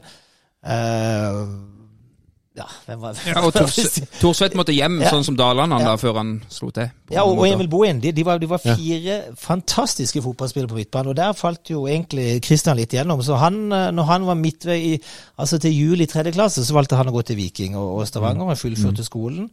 Uh, og, men han hadde vel kanskje ikke blitt den samme om han ikke gjorde det, for da fikk han spilletid. Ja, Da er vi tilbake til det vi snakka om i stad. Han fikk kamper på høyt eh, nivå, jevnt og trutt hele tida. Altså, du, du har jo hatt en, en, en Jesper Daland inne på skolen eh, der òg, som valgte å dra hjem til Start. Vel, for å få akkurat det samme. Eh, Ja, Jesper det samme. Jeg var så, så heldig jeg var i Belgia for uh, og, ei uke og traff Jesper. Og, og vi var på trening eh, med, med han og, og så hvordan han fungerte. Det er veldig, veldig spennende å se han fungere rundt i A-laget der. Spiller fast i Serkle Brygge. Eh, Jesper var litt av det samme. Han fikk vel egentlig ikke kontrakt med, med, med Start. Eller velviljen begge veier var kanskje ikke stor nok. Eh, sånn at eh, ha, ha, Men han også, var også skada en stund, og så fikk han spilletid. Jevnt og trutt. Og så sto han over det vi snakka om i stad. Den prosessen var 1920 til 21 år. Det er et vanvittig vindu for, for uh, fysisk eh, utvikling. Ikke, men- og, og mental modning, ikke minst. Jeg var faktisk litt spent på Jesper Daland før fjorårssesongen. Ja, ja. Det, var, han var, det var ikke gitt at han skulle være kjempegod. I, og i det var han. Ja, han var jo det. Det var Ja. det som var så gøy. Men da, da mister vi det jo, selvfølgelig. Ja, ja. Ja. Det er jo problemet med å ikke være bedre. Ja. Ja, men, men det var jo Altså, ok, vi mista han, men det er jo sånn Start skal drive klubb. Vi skal jo finne, få fram uh, spillere, og så skal vi selge de for masse penger. Han er jo kroneksempelet på hvordan vi skal gjøre dette her. Ja, Bortsett fra at vi skal ikke rykke ned, da. Neida. Ja, men det er jo det vi er best på. Ja, Det, det, altså det savner, man, man må jo lage en forretningsmodell som er bærekraftig. og Det er jo det jeg kjenner veldig godt fra Stabæk. Og, og det er jo ikke tull. Det, det, gjennom det systemet vi har nå, så har jo Stabæk solgt spillere for 150 millioner de siste Ja. jeg vet ikke, åtte-ni år. Mm. og og, og det, det er jo ikke tilfeldig, fordi det er rekruttering, det er foredling, og det er inn på A-laget. Gi de mange kamper, gi de sjanser, stå over de, de, de dårlige periodene, sånn at de eh, ja, vokser jevnt og trutt uh, ja, og, og er klare når de er 20-21 år. Det er liksom et lite spørsmål på sida. Du er jo tett tilknytning til Stabæk, naturligvis. Er det en, en annen klubb i Norge du vil trekke frem som er, er god på den biten her? Ja, Nå er det jo Vålerenga som begynner å komme. De har hatt litt mer sånn eh, storbymentalitet tidligere, hvor de også har shoppa inn og brukt mye penger på eldre spillere. Men nå, nå ser vi at det knipper mange. med unge Er det Fagermo sin eh, Ja, økonomi. My- Mye av det her handler jo om økonomi, Ja. dessverre. fordi må, må man, så må man bruke unge. Det, det, er, litt, det er litt sånn Og så vet jeg Odd i mange år. Ja, veldig, veldig, veldig, veldig, flinke i, i, i mange år. De har noe av det samme skolesystemet som vi har. Eh, Så mye handler om struktur. Ikke nødvendigvis om det har det ene eller det andre navnet, eller om det er meg eller noen andre som jobber der, men det handler om å bygge en, en struktur som gjør at unge spillere kan vokse. Eh, Vil du sånn, eh, nå, i og med at du er på et slags jobbintervju for Vil du nå si at det er dette du beskriver nå, eh, som Start kanskje har gått litt glipp av, da, ved at du ikke du på en måte ble valgt som sportssjef? Ja, altså det, det, det ble vel kanskje ikke så kom vel kanskje ikke så dypt i materien som det her. Hvordan, Hæ? Det, det, Starte det, her, det her er jo store, store workshops, egentlig, Ja, og ja. redegjøre for hvordan, hvordan skal vi, hva, hva er strukturen, hvordan Mm. ser den ut, ikke sant? hvor mye skal de trene, Eh, hva skal de ha av hva, hvordan er fordelinga med hele, ja, i hele modellen da. Kan du, du som har vært og reist litt, kan du sammenligne akademi eh, her hjemme med det du opplevde i Argentina, f.eks.?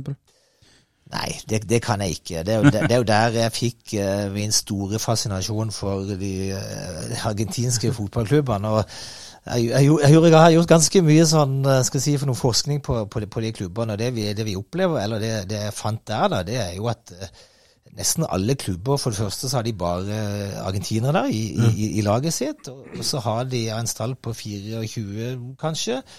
Så er 18-19 av de egenproduserte, og de er 6-7-8 år gamle. Og når vi ser spillere nå som går for de beste klubbene der nære, så har de fått de inn så tidlig som mulig. Trent de opp gjennom en fantastisk system med struktur og innhold. Eh, Og konkurranse som gjør at de er, de, de er, de er klare mye, mye tidligere enn det vi er holdt på å si, vant til her her hjemme. Er det, er det mulig å begynne så tidlig her hjemme? Ja, men det er, vi, det er jo litt sånn med Holdt på å si eh, Dra inn bar, barneidretts eh, her, men eh, nei, fra de er 12-13 år, så er det, så er det fullt mulig. Ja, for det- det er ikke Før lov- det òg, fordi et akademi er jo Ja, men det, det, er, det, er ikke, det er ikke lov med tabeller og sånn, er det ikke litt sånn? Var det som kom en knapp? Nydelig sånn ja, ja. eh, pausemusikk her. Jeg kom borti og lente meg eh, Viggo, er ikke det riktig at det er noe Du skal ikke begynne med tabeller og resultater og sånn før 12-13-årsalderen i Norge? Er det så? Jo, jo da, og det, akkurat det kan være så sånn som strukturen er nå, men det må iallfall fungere utrolig godt for de 11-12. Nettopp. Ja. Mm. Jeg husker jeg leste tabellene våre i, i Feven da jeg var 11.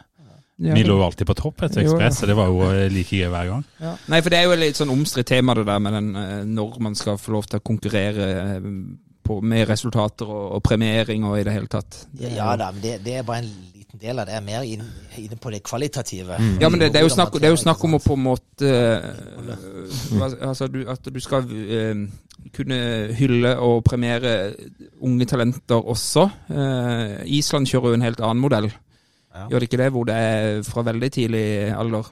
Jo, der har de vel differensiering fra de er veldig små, ja. Nettopp. Mens På, på nivåer, ja. mm, eh, Jeg bare vet ikke om vi mister noen på veien ved å kjøre den modellen vi gjør her i Norge, eller om du har noen tanker rundt det? Jo da, men det, det, det, det er så stor debatt. Ja. Med, med, ja, ja, det, det, det, det blir vanskelig.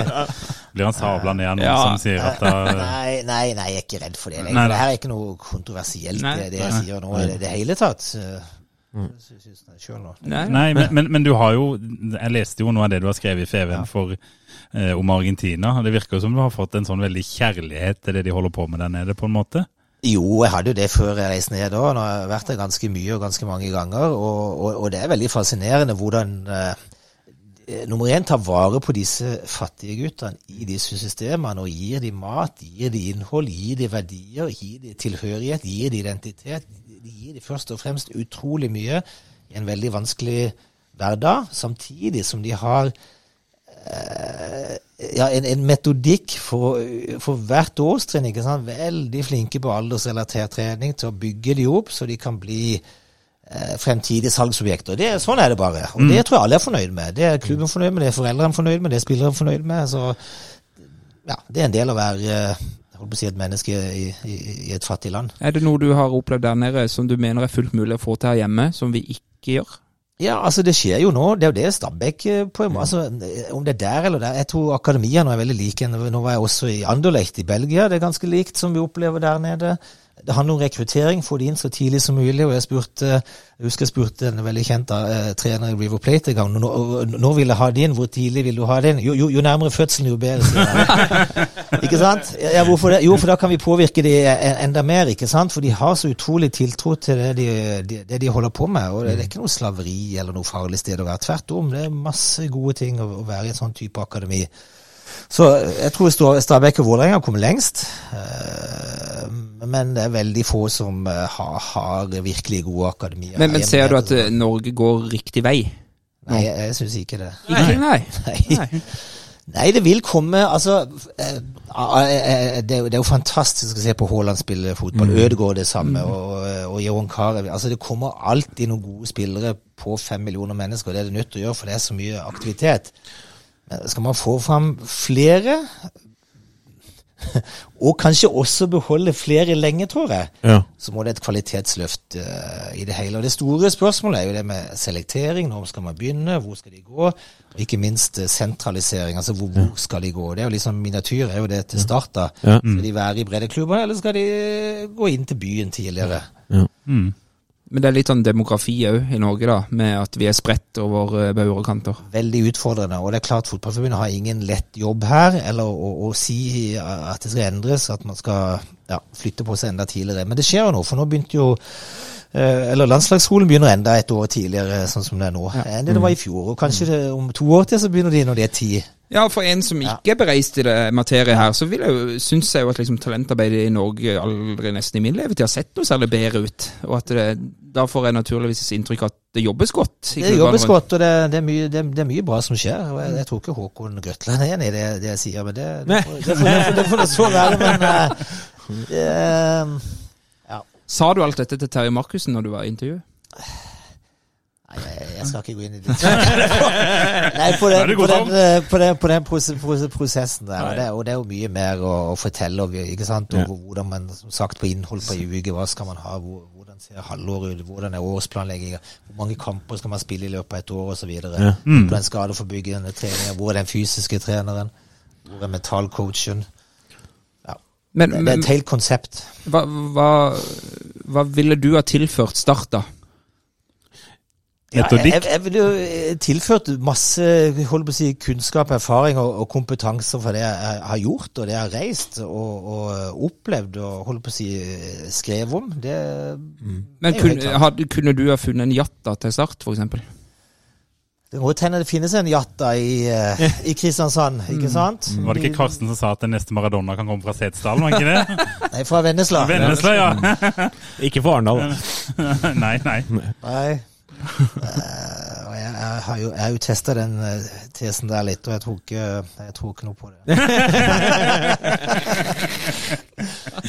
Nei, men det, Nei, det, det, er jo- ikke lett å en, gjøre noe i en håndvending, men jeg, jeg, tror man må ha Fotball er to ting. Det er ferskvare, det er resultatene i går mot Ranheim, ikke sant? hvordan A-laget fungerer nå i dag, og, og, og så er det langsiktige, gode prosesser. Man må være god i begge de to. Man må være god i dag med hver spiller, med hvert, eh, hver lagdel, med alt det som skjer hver eneste dag. Og så må man ha gode, bærekraftige, eller en god, bærekraftig modell ved, ved siden av. Riktig. Så du, du ville ha tilført på en måte en kombinasjon her, du da? Du ville ha jobba Det godt? hadde jeg håpet på at jeg kunne gjøre det. Ja, ja. Ja. Ja, Men det, det handler jo litt eh, om hvis du skal få fram gode unge spillere, at du må ha du må ha et velfungerende system på A-laget, du må ha et godt A-lag som de liksom kan komme inn i, da. Ja, det, og det var det siste punktet. Jeg kom Ja. egentlig bare til to. Ja, det- miljøet eller konteksten som disse spillerne kommer inn i. Ja. Det er helt riktig. Det, det, det må fungere. Og da tenker jo mer stabilt det er, jo mer større kontinuitet er, jo oftere spillere spiller i samme posisjon eh, det er, hvor, hvor ofte de stiller med samme lag på to ganger på rad, hvor ofte man bruker samme backfirer på rad. Alt dette gjør jo at spillere blir trygge, det er gode vilkår for læring, for utvikling. Og hvis du kommer inn og spiller venstreback én gang med det samme midtstopperen, så er det lettere å gjøre det neste gang. Og jeg vil gjerne bruke en ligning der, for uh, Morten Skjønsberg er en god venn av meg. og da han var 30-32, så, så dyrka de Andreas Hanke Olsen inn ved siden av han. De to var midtstopperpar i mange, mange, mange mange kamper. Og det vil jeg si er et sånn idealbilde på hvordan eh, god overføring fra junior til toppfotball er. Og Andreas gjorde masse feil. Morten roa ned. Ja. Ikke sant? Bare spill her, finne roen. Så eh, det, det, det er mange ting der. Så Stabæk får mye skryt, men de rykker ned. ja, Ja. det, det gjør de. kalkulert? Nei, men uh, det, Det Nei, det, Hagstad, det, kanskje. det, det, der tror jeg det, det blir nok uh, evaluering der òg, ja. Ja. Mm, ja. ja. To, to kjappe ord om uh, Kjøne. ja. Kjenner du han liksom gjennom kjenner systemet? Litt, kjenner litt til han. Ja. Ja. Mm. Eh, En fyr du ser for deg for en bra karriere? Uh, det, Han lytter på podkasten. Ja, du skulle ikke si det! nei, jeg kan si stort sett det meste til folk jeg treffer på veien. Jeg har ikke noe eh, problem med det, men, jeg, men jeg, jeg har veldig respekt for treneryrket. Mm. Uh, fordi det er en vanskelig jobb. Det krever mange forskjellige kvaliteter. Eh, og erfaring, enten man er ung eller ikke. Alder er én ting, erfaring er noe annet. Mm. Det å lede grupper, det å kunne alt om treningsprosessen, alt om kampprosessen, alt om endringer underveis, alt om mentale prosesser, alt om eh, eh, totalt sett hele lederaspektet. Mm. Det er jo interessant at Kjønø er inne da, for han er også en, en talentfull trener. Og det er vel kanskje første gang Stabæk også kjører det på trenersida. Så det er på en måte det Ja, det, det er det nok. Ja. Og øh, dette var hva jeg tror, så hadde de nok kanskje tenkt å rullere den inn på et senere tidspunkt. Ja, det, men det er jo helt åpenbart. Ja, ja, selvfølgelig. Det, det forstår jeg. Det skjønte vi vel egentlig når uh, Jan Jønsson forsvant der, at det, det skjedde litt fort. Eller litt før de hadde tenkt. Men han har jo blitt en sånn slags sånn liten kjæledegge, han Kjøne. Eh, Det har vel gått en sånn TV 2-serie nå som Ja, Grorud, Ja. Ikke får kjæledegger, jeg får resultater. ja. Jo, men man, man må, altså, tar man på seg trenerverv, så må man, Ja. må man være sikker på at man mestrer den rollen, og, Mm. og kan uh, et, et, et, En A-lagstrener skal rigge laget fra mandag til fredag, og via kampen i helga eh, sørge for at de fremstår utrolig solide og godt, Mhm. og helst. Nettopp. Hva tenker du om eh, Kjelmeland og, og endringer han har gjort, og hvor godt har du, hvor godt har du fulgt med på, på hva han har prøvd å sette preg på laget? da? Jeg har sett alle kamper vel i start de siste årene, alt som er Mm. tilgjengelig å Mm. se på TV. Ja. Du har det, ja. Ja. Vi var litt redd for at ikke du hadde sett Ja, jeg så Ullkisa borte for to måneder siden, men du har Ja, så bra. Hva, ja, så, hva, hva syns du? Er det fremgang? Vi leiter jo etter noe å håpe på. Nei, ja, jeg vet ikke om jeg skal melde pass der. Ja. Altså, rett og slett. Nei, men det er helt i orden, det. Det er jo et svar, det, er jo et svar det, på en måte. Ja, ja, ja. Så, Men jeg vet ikke om vi har noe Jeg har, har noe jeg vil avslutte med. Nei, men lytterspørsmål eh, vi kan jo se om, eh, om Vi har, et, Ja, har men- par men- litt artige lytterspørsmål. Ja, jeg har bare ett som- et spørsmål fra Bjørn Rudsagen igjen, som, eh, som hvor I og med at du har sett alle kampene, så det, spør han om hvor bærekraftig det hadde vært for Start å rykke opp nå. Nå ser det jo ikke sånn ut, da, men, men å bruke masse med nye, penger på nye spillere og stresse utvikling av klubben, eller, eller er, er på en måte det egentlig en slags Guds lykke over at vi ikke rykker opp i år? Så er Jeg er vel en av de som kanskje, eller ikke mener at spillerstallet er så dårlig som mange Ja. har det til. Mm. Okay, Jeg men tror det fins emner der som kan skinne veldig mye bedre enn det de gjør nå. Eh, jeg syns det er mye god kvalitet der. Um, Men er de i feil system? Er de du må snekre sammen på en måte at eh, um, ja, at de, kanskje de, de fordelaktige sidene kommer eh, bedre frem. Ja. Riktig. At det under, eh, under en annen Under andres vinger så ville det ha skint. Det vil ikke jeg si, det var du som sa. Men, eh, jeg har, Han sier jo pass til det. Nei, men, men- det, vi, vi, ser jo hva som, jeg ser, ser hva som skjer, men du, du ser jo han eh, Markovic. Han, mm. han, han blomstrer jo, ikke sant? Ja. Så, uh, men han kan bli enda bedre. Ja. Han, kan, han har enda ting å gå opp eh, som han kan eh, bli bedre på i spillet sitt. Mm. Og han mister start etter sesongen, det er du ganske sikker på? Er Nei, det? det handler om tilbud, etterspørsel, Ja. økonomi, kjøp og salg. Det vil jo vise seg, det. Mm. For jeg har sett en del sånne kommentarer etter kampen i går om at det er typisk Start å skulle selge han nå og sånn. Men det er jo helt naturlig, Det er jo sånn vi skal drive klubb. Yes, det er litt sånn Jesper Daland eh, Ja, hvis det, hvis det økonomiske tilbudet er godt nok, så Sitter jeg og sier eh, sånn vi skal drive klubb, og så sitter sports, eh, aktuell sportssjefen på sida og rister på hodet? Nei, nei, nei, nei. nei altså det, igjen, det er en, det er en forretningsmodell. Får man noen Ja. penger, så må man selge. Ja, klart man må. Hvis man kan Ja, ja. igjen uh, skape noe for de samme pengene, eller noe som Det går vel i et eh, ganske stort sluk som er- heter Startet Marit. mareritt. Nei. Nei, men vi kan, vi kan ta et par spørsmål her som jeg har fått inn. eh, Og jeg hadde jo en eh, her Dette er jo da fra din eh, Oslo-karriere. Eh, Erik Mye på Twitter. Han, han kjenner jeg lite grann. Han er eh, Lyn-fan. Og han spør på slutten av din karriere som aktiv sendte VIF deg på lån til Lyn. Er det slik de hinter til at det er på tide å legge opp der i gården? Nei, hva skal jeg si for noe? Jeg var Ja. Nei, det var mer enn fleip, tror jeg. altså. ja, jo, jo. Men eh, visste du at du, din siste kamp for Start var mot Enga? Ja, Ja. ja det, det vet jeg. Mm. Men jeg kan også fortelle en historie der. For, Ja, for etter den kampen der, så gikk jeg bort til Vidar Davidsen og sa nå skal jeg flytte til Oslo. Oh, ja. Så nå kan du ta kontakt hvis du er interessert. Så to dager etterpå så hadde vi møte på Big Hånd på Aker Brygge. Ja. For Big Home på Aker Brygge, det var det store på den tida Det var der. vi skrev kontrakten. Var det på servietter òg, sånn som de holdt på i Vålerenga på den tida? Det var ikke på servietter, og det, var, det framsto da som veldig lukrativt. Og jeg kjøpte leilighet og, og flytta inn. Og jeg tror eh, i 1. januar, jeg tror 2. januar så var vi i møte at nå må det ned i lønn. 20% Så det var, det var, tøv, tø, Men du skulle flytte for å studere eller jobbe? Ja, etter fire år så hadde, da hadde jeg også tilbud fra start. Tror jeg en ny toårskontrakt som lå der, men der følte jeg meg, meg ferdig og vil uh, videre og prøve noe nytt. Mm. Så var jeg, var jeg i møte med Stabæk og med, med Vålerenga. Ja. Og Skrev først eh, to år og en ny tre år. Var der i fem år. Og i 94 så var Stabæk akkurat rykka opp, kanskje? Da hadde de akkurat rykka Ja. opp, ja. Mm. Var Men uh, hvis du hadde blitt i Start, så hadde det blitt kutta i lønn da.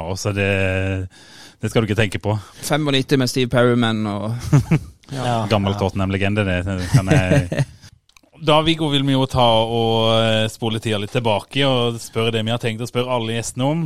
Eh, som liksom er ditt startminne. Og da får du velge helt fritt sjøl. Hva har du til oss? Nei, jeg velger å forholde meg til det som skjedde inne på, på banen. Og vi skal tilbake til Kypros. Jeg lurer på om det var i 1994. Vi spilte kamp mot Vålerenga. Og det her har jeg fått bekreftet av min gode venn Ståle Andersen, som vi spilte sammen med i, i Vålerenga etterpå. Ja. Eh, vi var i kjempeslag, og vi spilte, spilte, spilte. Ballen gikk. Vi holdt den uh, på, på disse berømte ballovertagelsene. Uh, spillet gikk, og Vålerenga løp mer og mer igjennom. Vi fikk mer og mer plass, og så plutselig så stopper Tommy Svindal opp. Så ser han at skolissa løs, så setter han eh, foten på ballen, knytter lissa, kikker seg rundt, og så spiller vi videre. Og da var en tolv og et halvt år på det! Det, det var, det var mot, mot en, da en sånn tippeligamotstander. Nei, der var vel 18-19 år. Ja. Jeg er jo helt på høyde med den der Svein Mathisen spilte tilbake til keeper-varianten. Den greiene der. Nei, det var et nydelig minne. Det er altså Start en pod sitt aller første startminne. Så Ja, tusen den, takk. eh, jeg, jeg drømmer meg bare tilbake til den midtbanen og de greiene der. altså. Ja, og liksom fra den tida der så så var jo du under vingene til Brede Skistad. Det må jo ha vært den beste treneren du har hatt, Viggo? Brede hadde et veldig bredt repertoar som menneske og, og som trener. Han kunne være pedagog med alle typer virkemidler. Han involverte oss, han behandla oss som selvstendige individer. Samtidig som han spilt, eh, stilte veldig strenge krav. Jeg syns også han var veldig tidlig ute med det som kalles for periodisering. Hvordan vi trente på de forskjellige dagene. Han var flink til å behandle mennesker. Han, eh, han fikk oss til å yte sammen. Han så gjennom ting med oss. Det var ikke bare en lett gjeng å håndtere heller. Og så var vi, hadde vi jo en veldig innprenta spillestil som uh, vi, vi drilla gjennom nesten hele uka, prinsipper. Og det er utrolig når vi har vært på disse sommerfestene hos uh, Tore Løvland, vi kan spille på gresset der, og så begynner vi å spille og duller oss inn i det samme mønsteret mm. som vi gjorde den gangen, bare for gøy. Er det mulig å kjøpe billett det. til det? Den sommerfesten vil jeg på. Jeg kan bare sitte og se på. Må, må, vi tar en ballovertagelse. Eh, Morten. Ja, ja, Han var god. Han var god. Morten Pettersen. Ja. Syd! Du Eh, si nei, og, og, men også det som var inne inn inn- inne i spillet. altså Plukke typer som sagt, hvor, hvor, som kunne skinne og, og løse de, de rollene. Så Det var kanskje ikke de elleve beste som spilte alltid, men det var eh, veldig tydelige rollebeskrivelser og oppgaver i, i, i det laget, både offensivt og defensivt. Det var veldig beskrivende den eh, brede historien du tok i forrige podd. eh, Ja, det var en tusse som Ja, eh, besøkte han på sykehuset. og Og, fortalte han har sett litt mellom fingrene mellom den bollespisinga og røykinga i barneheia. ja, Ja. det er jo herlig. Han det måtte behandle spillerne Det stemmer. Var du, var, spiste du boller i Baneheia, Viggo? Nei, jeg drakk saft med Klaus. jeg har en kompis der nede på andre sida der. så. Nei, dette var herlig. Ja. Herlighet. Men, men eh, vi kan jo ta avslutningsdelen eh, med gjesten til stede. Så kan han få lov til å titte Ja. hvordan Ja. det går. For vi går videre til neste kamp mot Sogndal. Ja. Det er en bortekamp etter den der berømte landslagspausen. Ja. Eh, og da Det er to uker, det. Det er to uker til, det blir jo fryktelig langt. Eh, og jeg har tatt opp eh, hjemmetabellen her, bare for å kikke litt på Sogndals hjemmestatistikk. Og den er ikke all verdens, altså. Eh, det er jo ikke Start sin heller, men nå skal de jo heldigvis spille borte. Sogndal har 5-6-2 på hjemmebane. Så eh, hva tror vi om den kampen, Lars? Ja, eh, altså jeg, eh, Jeg skjønner ikke at Kjelmeland mener at Sogndal er en lettere lag enn Ranheim. Men, men, men ok, det, det får han ta på sin Det får han være sjefen for det uttalelsen. Ja. Jeg tror at Start går gjennom denne sesongen uten å vinne to kamper på rad. Ehm, så her blir det ikke noe tut-tut. Eh, beklager det. Så det toget står. Eh, og så tror jeg at Sogndal tar ledelsen, og så tror jeg de rakner. Så beklager, her blir det kjipt. Jeg tror eh, Ja. Skal vi si 4-1 til Sogndal? Oi, oi, oi. oi. Nå, nå, du har fått det helt, du, etter det der opprykkshoggeri. Vet du hva, nå er det bare Nå er det Obos 2022. Så er hele Det er alt jeg tenker på nå. Men der, Viggo, hva tror du om denne kampen her? Hubb. Hubb? Hubb. Ja, ja, nei, det er ikke, det er ikke lett å si. Det kan, det kan bli hva som helst, Nei, det kan Ja. rett og slett. Gimse? Nei, jeg satt og tenkte litt på det før vi kom hit, og jeg tenkte at dette er en sånn klassisk kamp som blir U. Så, Men Start eh, slipper jo alltid inn litt, og skårer alltid litt, så da sier jeg 2-2, da. Ja, riktig. To- Det er det er da, Tom, hva tror du om dette her? Nei, jeg har jo tippa null poeng, jeg. Ja. Ja, du har Den, jo det. jeg har jo ikke fasiten lenger. Jeg hadde Nei, du har en jo bomma ganske periode. grovt nå. Nei, jeg har ikke det. Jeg har ikke det. Men eh, jeg bomma litt. Eh, Jeg tror vi taper 2-1. Ja. på 2-1. Dette var en veldig lystig Lystig avslutning. Nei, men jeg er jo enig med Lars. Det, er altså, det opprykkstoget er jo bare å glemme. Så, Det er det, altså. så jeg, jeg håper jo at får se en Sander Svela i litt mer enn fem minutter. Og Det har vel blitt signalisert Ja. allerede fra Kjellemland, og jeg tror ikke vi får se f.eks. Adeleka Akiniemi på benken mer i år. Nei. Tror ikke. Nei. ikke Joakim Jørgensen. Nei. Og ikke Jonas Doimland. Men Henrik Gjesdal, kanskje han får Ja. litt? Men Ja, ja. det hadde vært artig. Men hva med Martin Ramsson?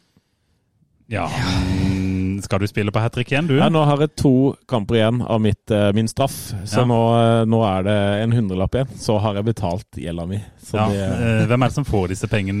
det er IK Grane Arendal som Ja. får alle pengene mine. Uff da. Yes. Nei, men Da vil jeg bare si tusen takk Ja. til Viggo Strømme for at du var vår første gjest. Det var veldig hyggelig. Jeg tror vi alle er litt starstruck, Viggo. Ikke så starstruck når jeg intervjua Myggen første gang i bakfylla på Sør Arena når han gjorde comeback. Det er verdens dårligste intervju. Ja. Eh, heldigvis fins ikke spor igjen av det på internett. Gjør det ikke. Jeg tenkte Nei, vi kunne jeg har, legge det ut. eh, jeg har prøvd å søke det fram. Fins ikke. Heldigvis. Yes. Men uh, da sier vi takk til Viggo, og vi gutter vi sier som vanlig Heia Start. Heia Start. Heia Start. Heia Start. Jeg ser inn i 22 resignerte ender! Hvor er gløden? Hvor er advarselsmannen? Jeg har ingenting å tape!